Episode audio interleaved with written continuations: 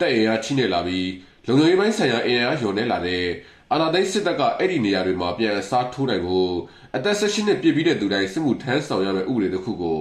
ဖေဖော်ဝါရီလ10ရက်နေ့ကနေစပြီးကျင့်သုံးမယ်လို့အာဏာသိမ်းစစ်ကောင်ဆောင်ဗိုလ်ချုပ်မှုကြီးမင်းအောင်လှိုင်ကကြေညာပါတယ်။အခုပြထန်လိုက်တဲ့ပြည်သူစစ်မှုထမ်းဥပဒေမှာစစ်မှုထမ်းဆောင်ရမယ့်အသက်အရွယ်စစ်မှုထမ်းဆောင်ရမယ့်ကာလ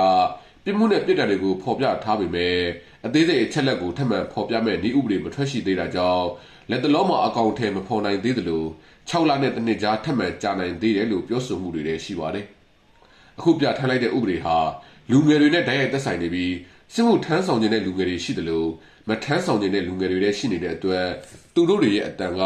ဘယ်လိုထွက်လာနိုင်တယ်လဲဆိုတာမသိရှိရသေးပဲဤဥပဒေလည်းမထွက်ရှိသေးတာကြောင့်တုံးတက်ဖို့စောသေးတယ်လို့တဲ့ရင်အားယွန်နေလာတာကိုဖြည့်ဆည်းနိုင်ဖို့လည်းဖြစ်နိုင်တယ်လို့ရှမ်းနယ်တိုင်းသားများဒီမိုကရက်တစ်ပါတီဥက္ကဋ္ဌကပြောပါတယ်။ရှင်းပြောမယ် ဝန်ခံစကားဆိုလို့ရှိရင် စစ်တပ်က နောက်ဆုတ်ပြီးတော့ နောက်ဆုတ်ရတဲ့မြို့တွေလည်း အများကြီးပဲလေ။ရှင်းပြောကျွန်တော်စာတင်မြို့နန်းခါလဲစစ်တပ်မရှိတော့လေ။ကျွန်တော်မဲဆန္ဒနဲ့ဆွေးတိတ်ကြီးလဲကြသွားပြီလေ။ MND တိတ်သွားပြီလေ။အဲ့တော့ အစိုးရလုပ်တဲ့သူက ခင်ဗျအစိုးရဆိုတော့ ခင်ဗျရဲ့ခင်ဗျရေးတော့ခံတဲ့အစိုးရဆိုလို့ခင်ဗျဟိုတော့ငကိုပုံစံပြန်ပြအောင်ငါကြိုးစားမှာပဲ ဟုတ်တယ်မဟုတ်လား ခင်ဗျကိုဒီချုပ်လုပ်ရခင်ဗျတမကြီးပြ ခင်ဗျအဲ့ဒါအရင်ရှိခဲ့တဲ့ပြည်တော်စုပုံစံပြန်ပြန်တော့မှာပဲခက်တာဝင်မယ်လေခင်ဗျအဲ့ဒါတော့မပြောရဲဗျခက်ထောက်ခံသလားကန့်ကွက်သလားကန့်ကွက်လို့လည်းမရဘူးထောက်ခံလို့လည်းမထူးဘူးလေဟုတ်တော့မလားတော့ဥပဒေပြတာပြလိုက်လို့ဆိုတော့အာနာတော့ရကာကွယ်မှုရှိချုပ်စီမှာရှိတယ်ဆိုတော့အခြေခံဥပဒေကသူ့မှာအာနာတော့ရရှိတယ်လေစောင့်လို့လည်းမရအောင်ဗျာထောက်ခံလို့လည်းမသိဘူးဗျာအဲကြောင့်ကျွန်တော်တို့ဘာမှလည်း comment မပေးချင်ဘူးလေ တကယ်ထူးဆန်းတာလားဆိုတော့မသိသားဘူးဗျာအဲကြောင့်ကိုရလည်းသူ့ကိုကမနေရပါလေအာနာသိစစ်ကောင်းဆောင်ဟောင်းဗိုလ်ချုပ်ကြီးတန်းရွှေဦးဆောင်တဲ့နိုင်ငံတော်အေဂျင့်တရားရေးနဲ့ကွန်ပျူတာကောင်စီနာဖာလက်ထက်ကပြဋ္ဌာန်းခဲ့တဲ့ပြည်သူ့စစ်မှုထမ်းဥပဒေကိုလက်ရှိအာဏာသိမ်းစစ်ကောင်းဆောင်ဖြစ်တဲ့ဗိုလ်ချုပ်ကြီးမင်းအောင်လှိုင်ကအသက်သွင်းလိုက်တာဖြစ်ပြီးတိုင်းရင်းသားတော်လှန်ရေးတပ်ဖွဲ့တွေပြည်သူ့ကာကွယ်ရေးတပ်ဖွဲ့တွေရဲ့တိုက်ပွဲတွေမှာတိတ်ဆုံးသွားခဲ့တဲ့ကာကွယ်ရေးနဲ့လုံခြုံရေးပိုင်းဆိုင်ရာအင်အားတွေကိုပြန်လည်ဖြည့်နိုင်မှုအတွက်ဆောင်ရွက်နေတာလို့ နိုင်ငံရေးအတိုင်းအဝိုင်းနဲ့ဥပဒေပညာရှင်တွေကသုံးသပ်ပါတယ်စစ်တပ်ဟာအာဏာသိမ်းပြီးတဲ့နောက်ပိုင်းမြန်မာနိုင်ငံရဲ့အစိုးရတရက်အနေနဲ့နိုင်ငံတကာထောက်ခံမှုမရရှိဘဲပြည်တွင်းပြည်ပဖိအားမျိုးစုံနဲ့ရင်ဆိုင်နေရတယ်လို့ ပြည်တွင်းမှာလည်းပဲတိုင်းရင်းသားတော်လှန်ရေးတပ်ဖွဲ့တွေပြည်သူ့ကာကွယ်ရေးတပ်ဖွဲ့တွေရဲ့ထိုးစစ်ဆင်တိုက်ခိုက်လာမှုကိုခုခံနိုင်စွမ်းကျဆင်းလာပြီးမြို့ရွာတွေနဲ့တရင်စစ်ဌာနချုပ်တွေပါလက်လွတ်ပေးခဲ့ရတယ်လို့တပ်ရင်အားပြုံးသီးလာမှုတွေကလည်းစိန်ခေါ်ချက်တစ်ခုဖြစ်လာပါတယ်ဒီ PR တွေရဲ့အောက်ကနေရုံထွက်နိုင်ဖို့အာဏာသိမ်းစစ်ကောင်စီအနေနဲ့ရွေးကောက်ပွဲတစ်ခုကိုမဖြစ်မနေကျင်းပပေးဖို့လိုအပ်နေပြီးအဲ့ဒီရွေးကောက်ပွဲကိုအောင်မြင်စွာကျင်းပနိုင်ဖို့လိုအပ်တဲ့လုံခြုံရေးအင်အားနဲ့ လက်လွတ်ထားရတဲ့မြို့ရွာတွေထပ်မံဖြစ်မလာအောင်ခုခံစစ်အဖြစ်အင်အားဖြည့်တင်းနိုင်ဖို့ပြည်သူ့စစ်မဟာဗျူဟာကိုကျင့်သုံးပြီးနိုင်ငံရဲ့အနာဂတ်တွေဖြစ်တဲ့ငယ်ရွယ်တဲ့လူငယ်တွေကိုစစ်တပ်အာဏာတည်မြဲဖို့အရှိကနေအသေးခံတိုက်ခိုင်းမဲ့ဥပဒေဖြစ်တယ်လို့တရားလွှတ်တော်ရှင်းနေဦးကြီးမြင့်ကသုံးသပ်ပါတယ်။တိုင်းပြည်အတွက်ကတော့ဘာမှတိုးတက်လာမဟုတ်။တနိုင်ငံနဲ့တနိုင်ငံစစ်ဖြစ်လို့ဆိုလို့ရှိရင်ငါတို့အခုအသက်80လောက်နီးနေလို့ဝိတိုက်ပါပဲ။ဘာမှစစ်ခေါ်စရာမလိုဝိတိုက်ပါ။တပြည်လုံးနဲ့ဝိတိုက်ပါပဲ။ ကိုယ်စားသူတို့ကိုမရောက်နိုင်တဲ့စိတ်ကောင်စီကိုကာကွယ်ဖို့အတွက်စစ်တိုက်ပြရမှာကွာအဲတက်ရမှာလည်းတကယ်အရွယ်ကောင်းလေးတွေပညာတရားမဲ့အရွယ်တွေတကယ်အရွယ်ကောင်းလေးဆက်ရှိတက35နှစ်ဆိုတော့တိုင်းမြေဘလောက်နှမျောဖို့ကောင်းလဲကိုတို့လုံးဝမရဘူးပညာတရားမဲ့အရွယ်တွေနောက်တစ်ခုကလည်းမင်းရောက်ဝတာတွေကိုအာဏာကိုအထတာရောက်ဝတာတွေကသိရင်ပေးရပဲအဲရောက်ဝတာတွေကသိရင်ပေးတဲ့လူတွေကို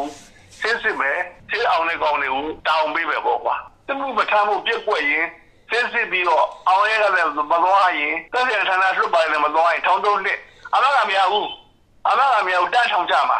အာဏာသိမ်းစစ်ကောင်စီကအခုပြထမ်းလိုက်တဲ့ပြည်သူ့စစ်မှုရဲ့ဥပဒေဟာချက်ချင်းလက်ငယ်စစ်မှုထမ်းဆောင်မဲ့သူတွေကိုစင့်ခေါ်ပြီးတိုက်ခိုက်ရေးဘက်ကိုပို့မှာမဟုတ်ပဲစစ်မှုထမ်းတယောက်တက်တဲ့ပညာတွေတည်တင်တာတွေကိုတင် जा ပို့ချတာတွေအပြင်ပြည်တွင်းလုံခြုံရေးပိုင်းတာဝန်ယူတဲ့ရဲတပ်ဖွဲ့ရဲ့အင်အားမလုံလောက်တဲ့အခါတွေမှာ အစားထိုးနိုင်ဖို့အတွက်ဖြစ်နိုင်တယ်လို့တင်နက Institute အမှုဆောင်ဒရိုက်တာဦးသိန်းထိုးကသုံးသပ်ပါတယ်ခုနပြောလို့ပေါ့လေတန်းနဲ့ပတ်သက်ပြီးတော့တော့မုန်းကြီးနေတဲ့လူငယ်တွေရှိတယ်ဒီလူလူငယ်တွေကရောနံပါတ်1အထဲတွေကိုချက်ချင်းဝင်လာနိုင်မှာပါဒါနံပါတ်1ချက်ပေါ့တွေ့ရအောင်နောက်တစ်ချက်ကတော့အဲ့လိုဝင်လာမဲ့လူငယ်တွေရှိတော့မှအထဲကြောင်ဒီပြင်ကြောင်းမှုရှိတယ်စီမံစည်းကမ်းတွေကြားရမှာပြင်နေရမယ်အဲ့လိုအခြေအနေမျိုးမှာဒီအဝင်ကုန်ကြနေဖို့မဖြစ်နိုင်ဘူးဒီထဲမှာဘယ်လိုကောင်းလဲဆိုဒီဖွင့်ကြီးထဲမှာဒီအလုပ်လုပ်ဖို့မဖြစ်နိုင်ဘူးဆိုရင်ဒါသူ့အနေနဲ့ဒီဖွဲ့ကြီးကအနည်းငယ်ငယ်ပြန်ထွက်ပါမှာပဲအဲ့တော့ခုနပြောလို့ရကိ စ္စမှုကြတော့လုံခြုံရေးကတချို့ဒီခေါ်တာတွေရှိကောင်းရှိနေပါတယ်ဒါပေမဲ့လက်တွေ့မှာတော့အဲ့ဒါဖြစ်ဖို့ကဒါတော်တော်လေးနည်းတယ်လို့ပဲတုံ့ပြန်လို့ရပါလိမ့်မယ်။ဒါကြောင့်လဲဆိုတော့အဖွဲ့အစည်းတစ်ခုကိုဒီဆောက်တဲ့ပုံတော့ကဒီမှာရှိတဲ့လူတွေကိုဘယ်လိုသိကျင်လဲတင်ကြားနေပေါ့အဲ့ဒီပုံမှာမူတည်ပြီးတော့အဖြေရအမျိုးဖြစ်သွားနေတာပေါ့။အဲ့တော့ခုနပြောလို့ဒီမကျင်တဲ့အချက်ချက်ကြောင့်ဟောဘောနဲ့လက်ချက်ရောက်သွားတာဖြစ်မှာဆိုတော့တက်မော်ဆိုတဲ့အဖွဲ့အစည်းတစ်ခုကတော့ရရှိရတဲ့နေမှာပေါ့လေ။စစ်မှုထမ်းဆောင်ခြင်းဟာ နိုင်ငံသားအလုံးမှာတာဝန်ရှိတယ်လို့လက်ရှိမြန်မာနိုင်ငံရဲ့အခြေအနေဟာနိုင်ငံသားအလုံးစစ်မှုထမ်းဆောင်ဖို့လိုအပ်တာကြောင့်ဒီဥပဒေကိုပြဋ္ဌာန်းတာလို့အာဏာသိမ်းစစ်ကောင်စီရဲ့ပြောဆိုခွင့်ရှိသူဗိုလ်ချုပ်စော်မင်းထွန်းကပြောပါတယ်လက်ရှိကမ္ဘာနိုင်ငံအသီးသီးနဲ့အိန္ဒိချင်းနိုင်ငံတွေမှာလည်းပဲနိုင်ငံသားတိုင်းစစ်မှုထမ်းဆောင်ရမယ်ဆိုတဲ့ဥပဒေပြဋ္ဌာန်းပြီးကျင့်သုံးနေတယ်လို့နိုင်ငံသားတိုင်းစစ်မှုထမ်းဆောင်ရမယ်လို့ဥပဒေပြဋ္ဌာန်းပြီးကျင့်သုံးဆောင်ရွက်ခြင်းမရှိတဲ့နိုင်ငံတွေလည်းရှိတယ်လို့ဆိုပါတယ်အေဂျင့်တဲ့တိုင်းပြည်တွေ ပြည်တွင်းစစ်မရှိတဲ့တိုင်းပြည်တွေမှာအခုလိုမျိုးစစ်မှုမထမ်းမနေရဥပဒေပြဋ္ဌာန်းပြီးလုံခြုံရေးဆိုင်ရာပညာရေးတစ်ခုအနေနဲ့ကျင့်သုံးဆောင်ရွက်တာဟာကောင်းပြီပဲလက်ရှိမြန်မာနိုင်ငံရဲ့အခုလိုအခြေအနေမျိုးမှာဒီဥပဒေပြဋ္ဌာန်းတာကကောင်းတဲ့လက္ခဏာမဟုတ်ဘူးလို့အမျိုးသားနိုင်ငံရေးမဟာမိတ်များအဖွဲ့ချုပ်ပါတီဥက္ကဋ္ဌကပြောပါတယ်တိုင်းပြည်ရဲ့လိုအပ်ချက်ကြကျွန်တော်ပြောလေဟိုစစ်သားစုဆောင်းတာလို့ဘာလို့ညာလိုအပ်မယ်လို့ထင်သူတို့တတ်မှတ်ထားတာမသိတစ်ချက်ကနောက်ပြီးတော့တိုင်းပြည်အတွက် ဟောကာဝယ်မှုစောင့်ရှောက်ဖို့လူတွေကိုလည်းရွေးချယ်လာလားအဲ့ဒါလည်းမသိဘူးညာဒါတော့ရွေးချက်ကတော့ကောင်းပါတယ်ဒါပေမဲ့အခုချိန်မှာလုံးတဲ့ကိစ္စကအဆင်ပြေမှမပြေပဲကျွန်တော်တို့တော့မသိဘူးပေါ့လေ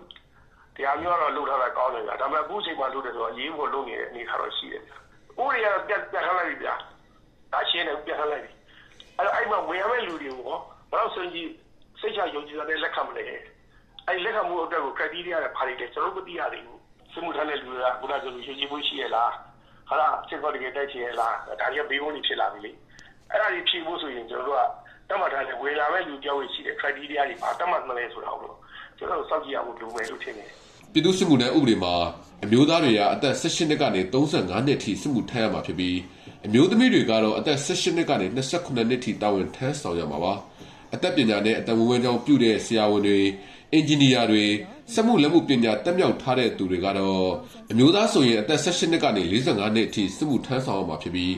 အမျိုးသမီးဆိုရင်တော့အသက်18နှစ်ကနေ35နှစ်အထိစစ်မှုထမ်းဆောင်ရမှာပါစစ်မှုထမ်းကာလကိုတော့တာမန်အခြေအနေမှာဆိုရင်တော့တက်တန်း2နှစ်ထမ်းဆောင်ရမှာဖြစ်ပြီးအသက်ပညာနဲ့အတုံမွေးကြောင်ပြုတဲ့သူတွေဆိုရင်တော့စစ်မှုထမ်းကာလကို3နှစ်သတ်မှတ်ထားပါတယ်။တိုင်းပြည်ဟာရေးပေါ်အခြေအနေကာလကိုသတ်မှတ်လိုက်မယ်ဆိုရင်တော့ စစ်မှုထမ်းဆောင်နေတဲ့နိုင်ငံသားတိုင်းရဲ့စစ်မှုထမ်းဆောင်ခြင်းကာလဟာ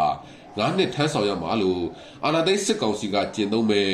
ပြည်သူ့စစ်မှုထမ်းဥပဒေမှာပြဋ္ဌာန်းထားပါတယ်။အာဏာသိမ်းစစ်ကောင်စီဟာနိုင်ငံသားတိုင်းစစ်မှုမထမ်းမနေရဥပဒေအပြင်အာဏာသိမ်းစစ်ကောင်ဆောင်ဟာဗိုလ်ချုပ်မှုကြီးတန်းရွှေလက်ထက်ကပြဋ္ဌာန်းခဲ့တဲ့အရန်တပ်ဖွဲ့ဥပဒေကိုပါပြဋ္ဌာန်းပြီးတပ်အင်အားတွေကိုပြန်လည်ဖြည့်ဆည်းနေတာပါအဲ့ဒီဥပဒေမှာဆိုရင်တော့အငိမ့်စားစစ်မှုထမ်းတွေဟာ အငိမ့်စားယူခွင့်ရတဲ့နေ့ကနေစပြီး9နှစ်စစ်မှုထမ်းရမယ်လို့ဖော်ပြထားပါတယ်ကျွန်တော်အောင်သူပါခင်ဗျာ